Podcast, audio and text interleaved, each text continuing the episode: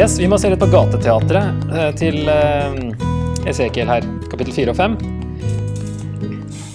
Det første er en modell av et beleiret Jerusalem. Kapittel 4, vers 1 til 3. Man skal ta en eh, stein, svær stein. Man tenker kanskje det var en sånn kokeplate som man lager denne modellen oppå. Og Det virker som at Esekiel han skal spille Gud i her, dette lille dramaet og at han setter opp en jernplate mellom byen og seg sjøl. En jernvegg. Og at man, Det kan tolkes forskjellig, men kanskje det betyr Guds fasthet eller bestemthet. At uh, Gud som er utenfor jernplaten, er et eller annet der som er hardt, i hvert fall. Mellom folket og Gud. Ansiktet mot byen. Kanskje at da Gud ser hva de holder på med. Eller at han er målretta. Eh, virker som budskapet er kanskje ganske klart uansett, da. At Jerusalem skal beleires og angripes, og Gud er faktisk på utsiden og utfører angrepet. Han er ikke inne i byen og inne i tempelet. Det er Gud som faktisk eh, står bak.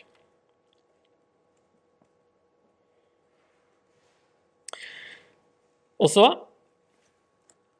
nummer to Da skal han ligge på siden i 390 dager.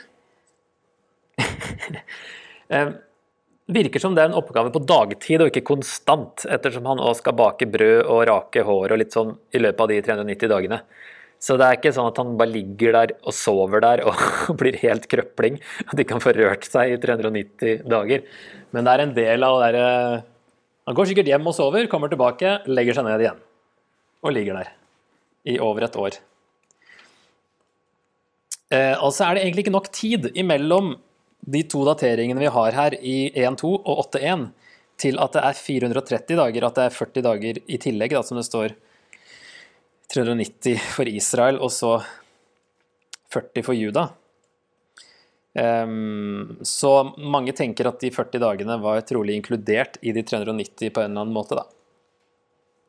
Um, de brukte jo månekalender, og hvis du regner på dager, så får du uh, et par uker for lite, tror jeg. Hvis han skulle lagt seg ned fra dag én, si, etter eh, de sju dagene i kapittel tre. Um, så er det litt for liten tid. Men det er ikke så farlig. Um, poenget er at han ligger der for å bære israelittenes skyld, og det er like mange dager som år. Det er én tolkning, det er sikkert mange tolkninger, men en som uh, nesten gikk opp, det er at det er fra Salomos tempel begynte å bli bygd i 966 til 586, til det ble ødelagt. Det er 380, da. Det er ti dager for lite, egentlig. Um, så den, men den kunne gitt mening, men den gir nesten mening. Si. Nest, går nesten opp, men at de da har synda hele veien, selv om de har hatt tempelet eller noe sånt. Uh, men kanskje litt mer Hvis det skal tas uh, og kan forklares på en sånn konkret måte, så er det kanskje fra 931, da riket ble delt til ca. 539. Da er det kanskje 900, nei, 300, ja, ca. 390. Det spørs litt hvordan man regner disse årene, men eh, til tilbakevendingen fra Babylon. Da er det da fra Det står jo også når de deler seg i nord og sør, at eh, da var det han Jeroboam den første som fikk Israel til å synde, står det, ved å lage disse gullkalvene. Så iallfall budskapet er at de har en lang, uoppgjort synshistorie og dommen er rettferdig når angrepet, som da han viste i første tegnet her, når det kommer. Det er litt vanskelig å vite hva disse årene skal være, da. 430, hvis vi legger de sammen, så ville det være like mange år som de var i Egypt, ifølge noen tekster. Så kan det kanskje tolkes på en annen måte, men ser ikke ut til at det er tid til at han skulle få gjort det konkret. da. Så skal han bake brød. Og um, det kan få kjøpt Esekiel-brød. Healthiest bread you can eat. Jeg tror ikke de selger det i Norge, men Og det skal han spise de dagene han ligger på siden. Gud eh, er grei og tillater kumøkk i stedet for menneskemøkk. Gud går med på noen ting i Bibelen. Han går med på at de skal ha en konge selv om han egentlig ikke vil, og sånn, men eh, andre ting er eh, ikke mulig å forhandle. Men akkurat her klarte Esekiel å forhandle seg til en deal som han syntes var litt bedre. Og da skal han spise bare 230 gram hver dag og drikke én liter vann eh, hver dag, da. Ganske lite. Så budskapet med det er at de som er igjen i Jerusalem, skal sulte under beleiringen som kommer, og de skal spise urent brød i eksilet, nevner også Gud i vers 13. Urent, altså på møkk. Det er det er. Derfor er det greit, samme hva slags møkk det er. Det er urent uansett. Derfor gikk Gud med på kumøkk i stedet. Ellers har det vært utrolig eh, ydmykende på stakkars Esekiel. Uff a meg. Um, så da kan man jo spørre, da. Er dette Esekiel-brødet helt bibelsk? Hvis ikke du baker det på møkk? dette her. Baked over dung. Kan man liksom få kjøpt dung-baked Esekiel-brød. Og så er det også da noen som syns det var gøy at det er en kokebok som heter 'Cooking with Poo'. som knytter det til dette verset. Dama heter nok Poo. Og så er det da også det engelske ordet for møkk. så um, Bibelhumor, da. Dette her. Ok. Så skal han rake av seg håret og skjegget i kapittel 5. Eh, det å rake hodet da, var jo forbudt for prestene, og Esekiel var jo egentlig en prest. Så det var jo litt sånn eh, ville han jo egentlig ikke gjøre. Og det kunne være tegn på sorg, og det kan være ydmykende. Mye som symboliseres her. Eh, og det at han skal bruke sverd, så er jo det også da symbolikk. Altså det, det ble jo ganske blodig sikkert når han skulle barbere seg over hele hodet med et sverd som ikke er så skarpt liksom, som en barberhøvel. Man må drive og skjære og holde på lenge med et svært sverd og sikkert kutte seg mange ganger. Um, og så skal han ta dette håret, veie det opp, da. Eh, en tredjedel skal han kaste inn i, denne, inn i byen, der denne fortsatt er denne modellen. Og de skal, det står for de som skal dø av pest eller sult i Jerusalem, sier Gud. En tredjedel skal hogges opp, det er de som blir drept utenfor byen. Og en tredjedel blir spredt med vinden, det er de som flykter, står det egentlig da. Spredt utover jorden. Det er ikke de som havner i Babylon, det er de som stikker av der et annet sted. Noen få skal han gjemme inne i kappefliken, det er jo noen som skal overleve. Og noen av de igjen skal han da kaste på ilden. At de skal dømmes eller renses, da.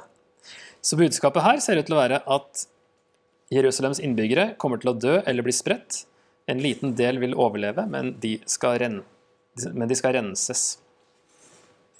Og så er det de som da får komme tilbake igjen. Veldig kjapt kapittel 6 og 7. Det er jo egentlig eh, Ta bare raskt eh, noen punkter på de. Som er profetord mot Israels fjell i kapittel 6 og mot Israels land i kapittel 7. Eh, kapittel 6 så er det domsord mot fjellene og det her peker fram på kapittel 36. Der kommer gjenopprettelsen. Da er det også eh, profetord mot fjellene, men da er det at eh, alt skal bli eh, flott igjen. Så de henger på en måte sammen som liksom motpoler. Det gjelder jo egentlig folket fortsatt, men fokuset er på altere og offerhauger som var oppe på fjellene da, og på høydene. Egentlig samme poenget som i kapittel 5, at en rest skal bli igjen, står det i vers 8. De skal bortføres til folkeslagene og er jo en renselse som skjer, virker det som. De skal avsky seg selv for det onde de har gjort. Og de skal kjenne at jeg er Herren. Så det et eller annet skal skje med denne resten, og de renses og skal innse dette her, da. Og det avsluttes da med vers 14. De skal kjenne at jeg er Herren. Så kapittel 7 er dom over Israels land, og spesielt Jerusalem, da ser det ut som. Han snakker i hvert fall i vers 22 om at de skal vanhellige min dyrebare skatt. Så det er nok tempelet han mener der. Så det er nok Jerusalem som er hovedfokus her. En personlig omvendelse er snakk om i vers 16. De skal alle klage, enhver over sin egen synd, og det kommer det mer av senere. Denne personlige omvendelsen. Og avsluttes på samme måte. Da skal de kjenne at jeg er Herren dette refrenget som går igjen. For jeg bruker litt tid på den kapittel 8 til 11, og så går vi litt kjappere gjennom resten Har jeg, tror jeg det blir.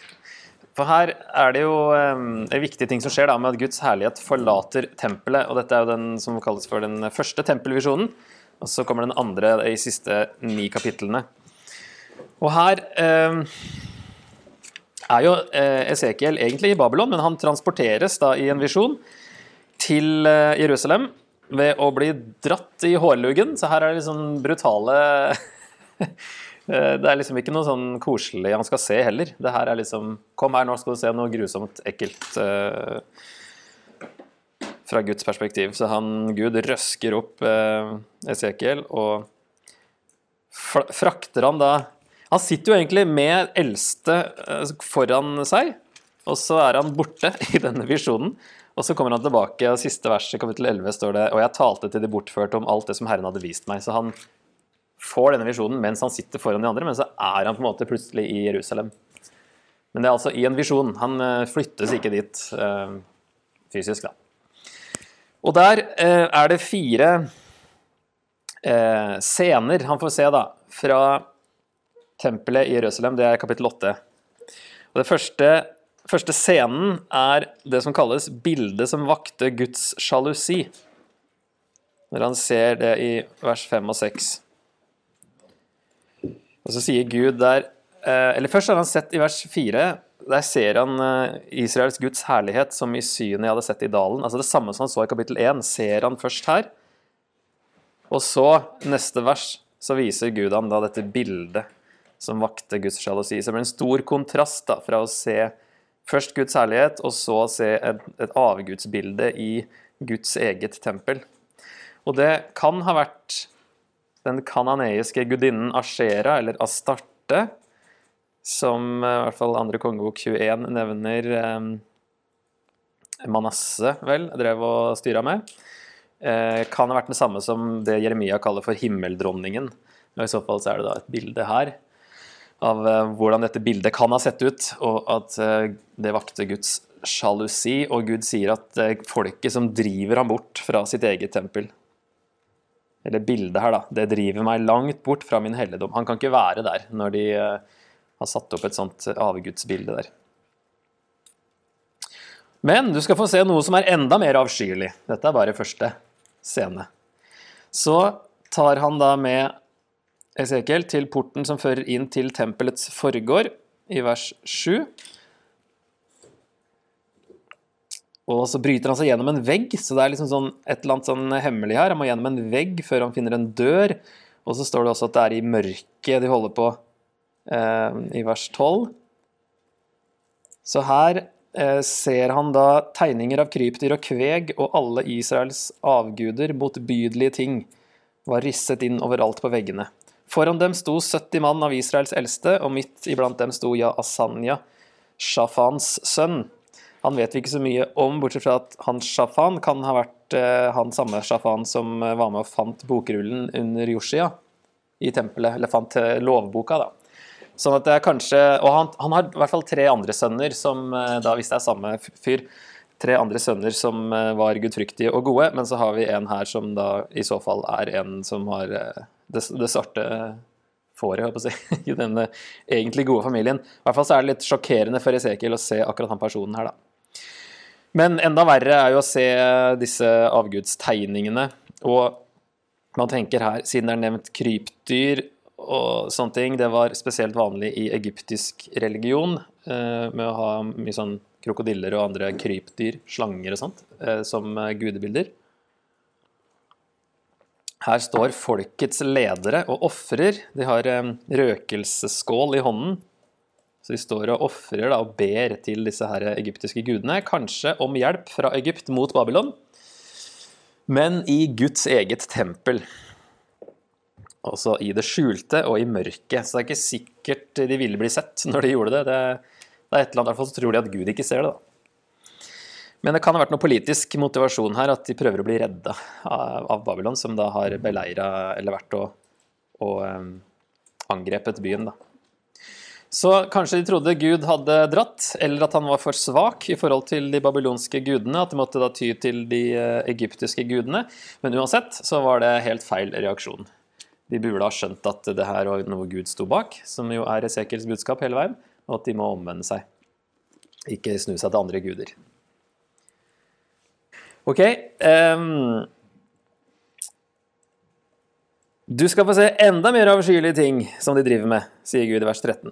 Så tredje scene er noen som sitter og gråter over Tammus. Og det er noe man kaller for sørgekulter. For det er ikke det at de sitter der og faktisk er triste over et eller annet med Tammus. Tammus det var eh, en fruk fruktbarhetskult, eller en gud da, som ble knytta til eh, avlinger og fruktbarhet i landet. Så man sørget da vegetasjonen døde, og man trodde Tammus da døde og sto opp igjen med årstidene. Litt sånn som Bal også var vel en sånn som døde og sto opp hvert år. Så her sitter de og sørger. De gråter på kommando, egentlig, for å få bedre avlinger. Så det er jo ikke noe trist som har skjedd, men det er en del av de ritualene for å skape seg bedre avlinger.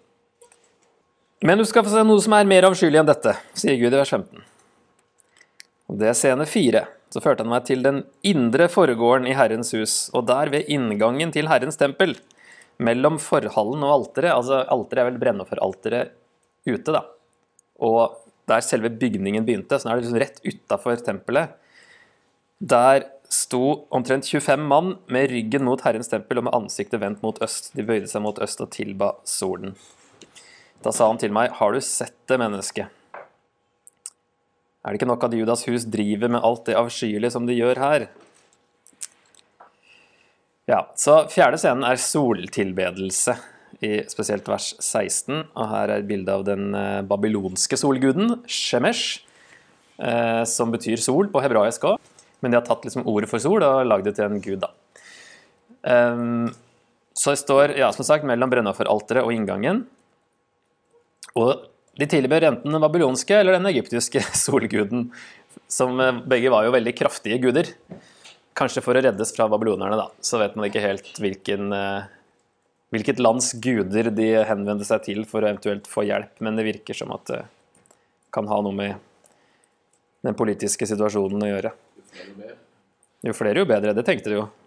Helgardering. Og det var jo bare Gud som var så sjalu, si, som ikke tåler andre guder. Det er det som er eh, det, ikke legger veldig vekt på det òg, at Guds sjalusi i mange kapitler her. Når de setter inn avguder sammen med Gud, det tåler ikke Gud, men de andre gudene de fins jo ikke uansett. Men de syns det var greit. ja, Så det var veldig vanlig å helgardere seg, men det går ikke å ta med Gud i den helgarderinga. Men det, det, som er greit, de har snudd ryggen til Gud egentlig her. Både bokstavelig og åndelig. De har snudd seg vekk fra, fra tempelet og fra paktkisten og står da og ber til sola i motsatt retning. Så det er liksom bokstavelig vendt ryggen til Gud her. Så det syns kanskje Gud er aller verst, da. Hvis det er liksom enda mer avskyelig. At det på en måte vises på den måten. Men, det her, men er nok noe med plasseringa òg, tenker jeg, nærmere og nærmere, og at det skjer liksom i Guds tempel, dette her. Så um, det som skjer, er jo da at Gud vil jo ikke være der lenger når de holder på sånn. Så i kapittel 9 så kommer det seks menn og de setter et merke i panna på alle som um, sukker og stønner over alt det avskyelige i Jerusalem, står det i vers 4. En av disse seks mennene har altså skrivesaker og ser ut til å være prestelig kledd. Han kommer kledd i lin. Det er jo sånn, litt typisk preste...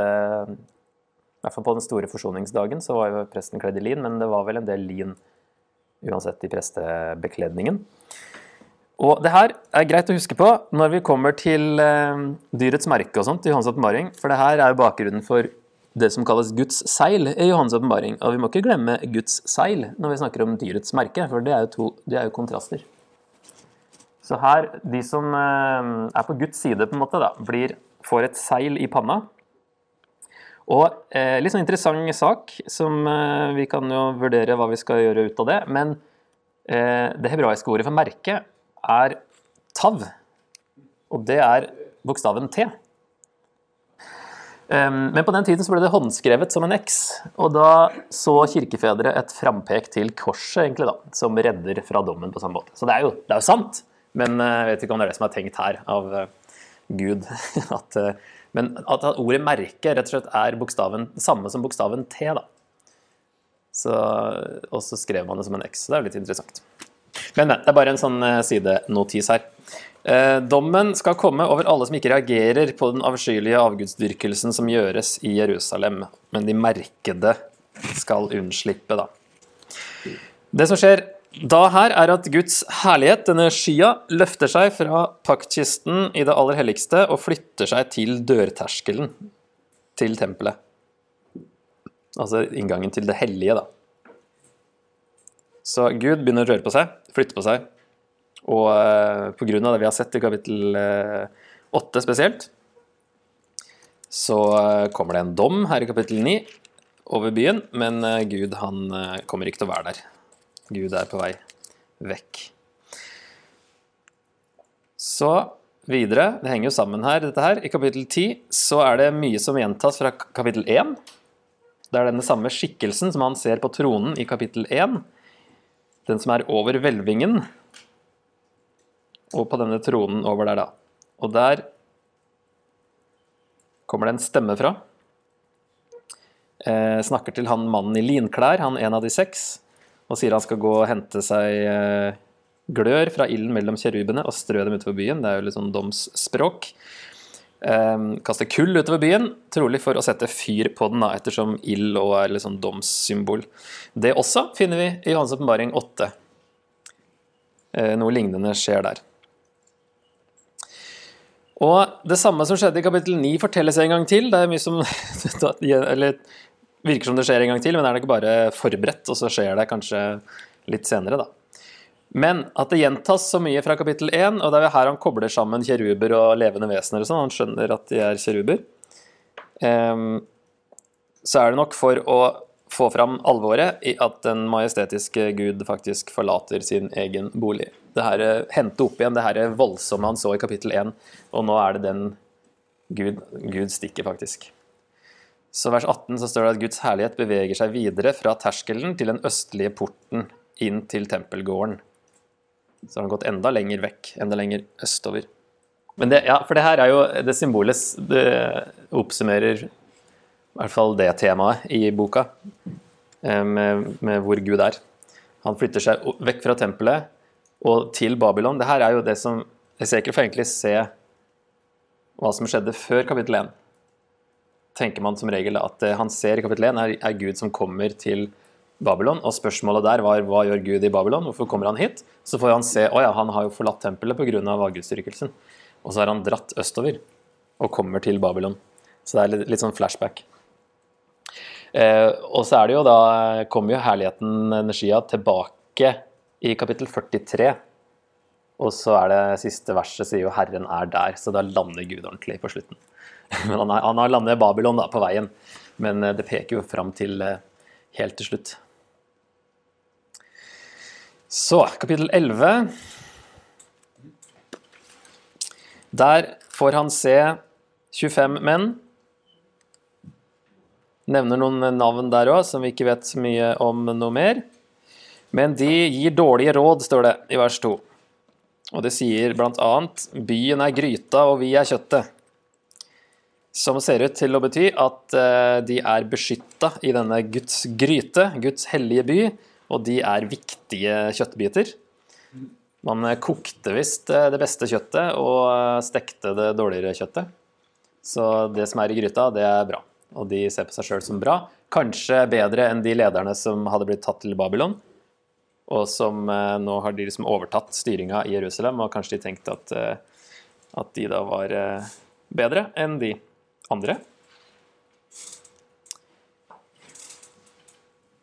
Um, ja, i vers 15, som jeg har tatt med der, så sier de um, Dine brødre, dine brødre som er sammen med deg i eksil, hele Israels hus, om dem sier Jerusalems innbyggere, de er langt borte fra Herren, vi har fått landet til eiendom.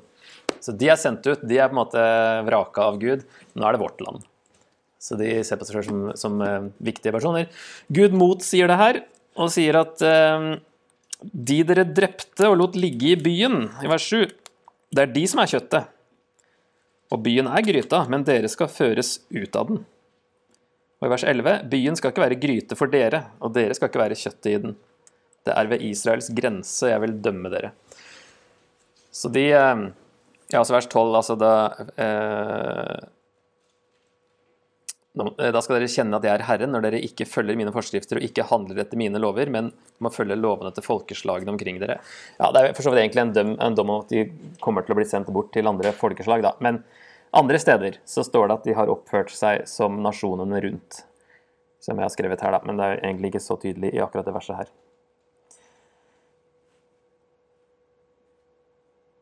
Og så sier Gud i vers 16 selv om jeg førte dem langt bort blant folkeslagene og spredte dem i landene, ble jeg en liten helligdom for dem i landene de kom til.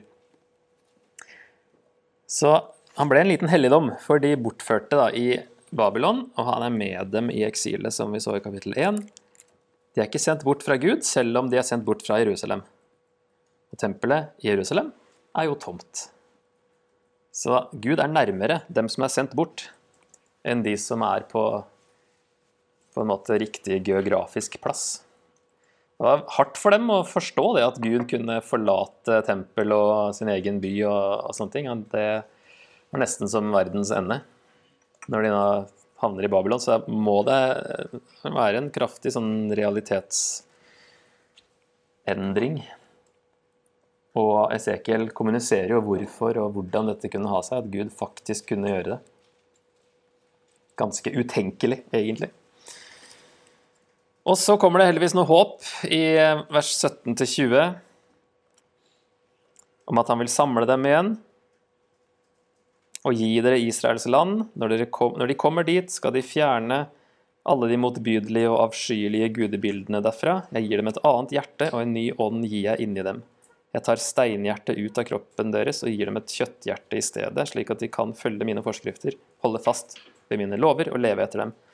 De skal være mitt folk, og jeg skal være deres Gud. Og det siste der ja, For det første, det her peker jo fram til Det kommer mye mer sånn i kapittel 34 til 37. Men det siste her, eh, dere skal være mitt folk, og jeg skal være deres Gud, det gjentas mange ganger.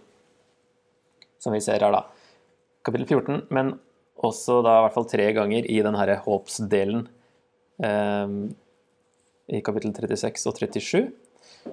Første gangen det står tror jeg er i andre Mosebok 6-7, så det er en sånn eh, paktsformel, et uttrykk for paktsrelasjonen mellom Gud og Israel, og som brukes da i Nytestamentet om Gud og menigheten. Så det er, eh, når vi er eh, på rett sted med Gud, da, relasjonen er riktig, da, da er det um, at dere skal være mitt folk, og jeg skal være deres Gud.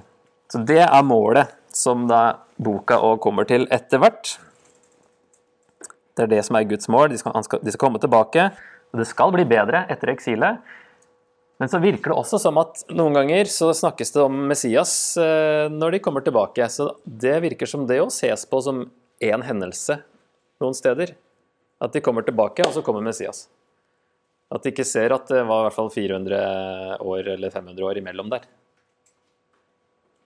Eh, eller, ja, Det virker som du i hvert fall kommer tilbake til landet, så kan planen gå videre, og da kommer jo Messias etter hvert, men av og til så trøkkes de veldig sammen. Um, og Guds herlighet i vers 23 beveger seg videre østover, opp på Oljeberget, virker det som, ettersom det er opp på et eh, fjell som er øst for um, Stanset på fjellet som ligger øst for Jerusalem, og det er jo Oljeberget. Og da er jo spørsmålet om han sto der og venta der resten av boka, eller om han da drar videre østover. Som for så vidt kanskje kan ha vært først nordover og så sørøstover, hvis han følger samme rute. Men eh, hvis, som vi så på, hvis nord kanskje symboliserer dom da, i kapittel 1, så kan det være at Gud dro rett østover her, siden Babylon ligger jo rett øst, egentlig. Så selv om det står ikke bokstavelig, det stanser oppå, oppå toppen der, men eh, det kan være at han eh, fortsatte i den retningen, da. Og at eh, kapittel 1 er det som skjer etterpå. Så tenker vi tar en pitstop her, med litt anvendelse. Hva ville Esekiel sett hvis han fikk en omvisning i Guds tempel i dag? Våre menigheter og våre hjerter. Det er jo det som er det, Guds bolig. Um, han, eh, Chris Wright han har skrevet en kommentar som jeg har eh, kikka en del i. Han sier da dette her If the Holy Spirit exposes any part of our lives, past or present, as sin, then deal with it as such. Do not, like the exiles, blame others or accuse God. Do not, like so many today, explain it, excuse it, or put it in perspective. Sin is sin, and when it is exposed, we are left with only two mutually exclusive alternatives repentance or hardening. Today, if you hear his voice, do not harden your hearts. Such was the choice that now confronted the silent, stony faces in front of Ezekiel himself in that hot little room on 17th of September 592 BC. Og Det er jo det det slutter med her. og Jeg talte til de bortførte om alt det som Herren hadde vist meg. Og hvordan ville de ha reagert på det Esekiel har fått se mens de sitter eh, foran han? Se jo senere at de òg har litt avguder i hjertet og sånt. Eh, når du fått sett eh, hvor alvorlig det er.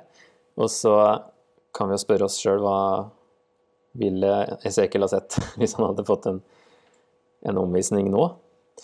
Gud vet alltid hva som foregår i hjertene våre. Vårt valg er mellom én, la han gjennomlyse oss og omvende oss fra det, takke ham for at han ser alt og at han vil rense oss, eller to, nekte å bøye oss og ikke innrømme vår synd, og la ham ta den bort, og fortsette som før i mer og mer forherdelse.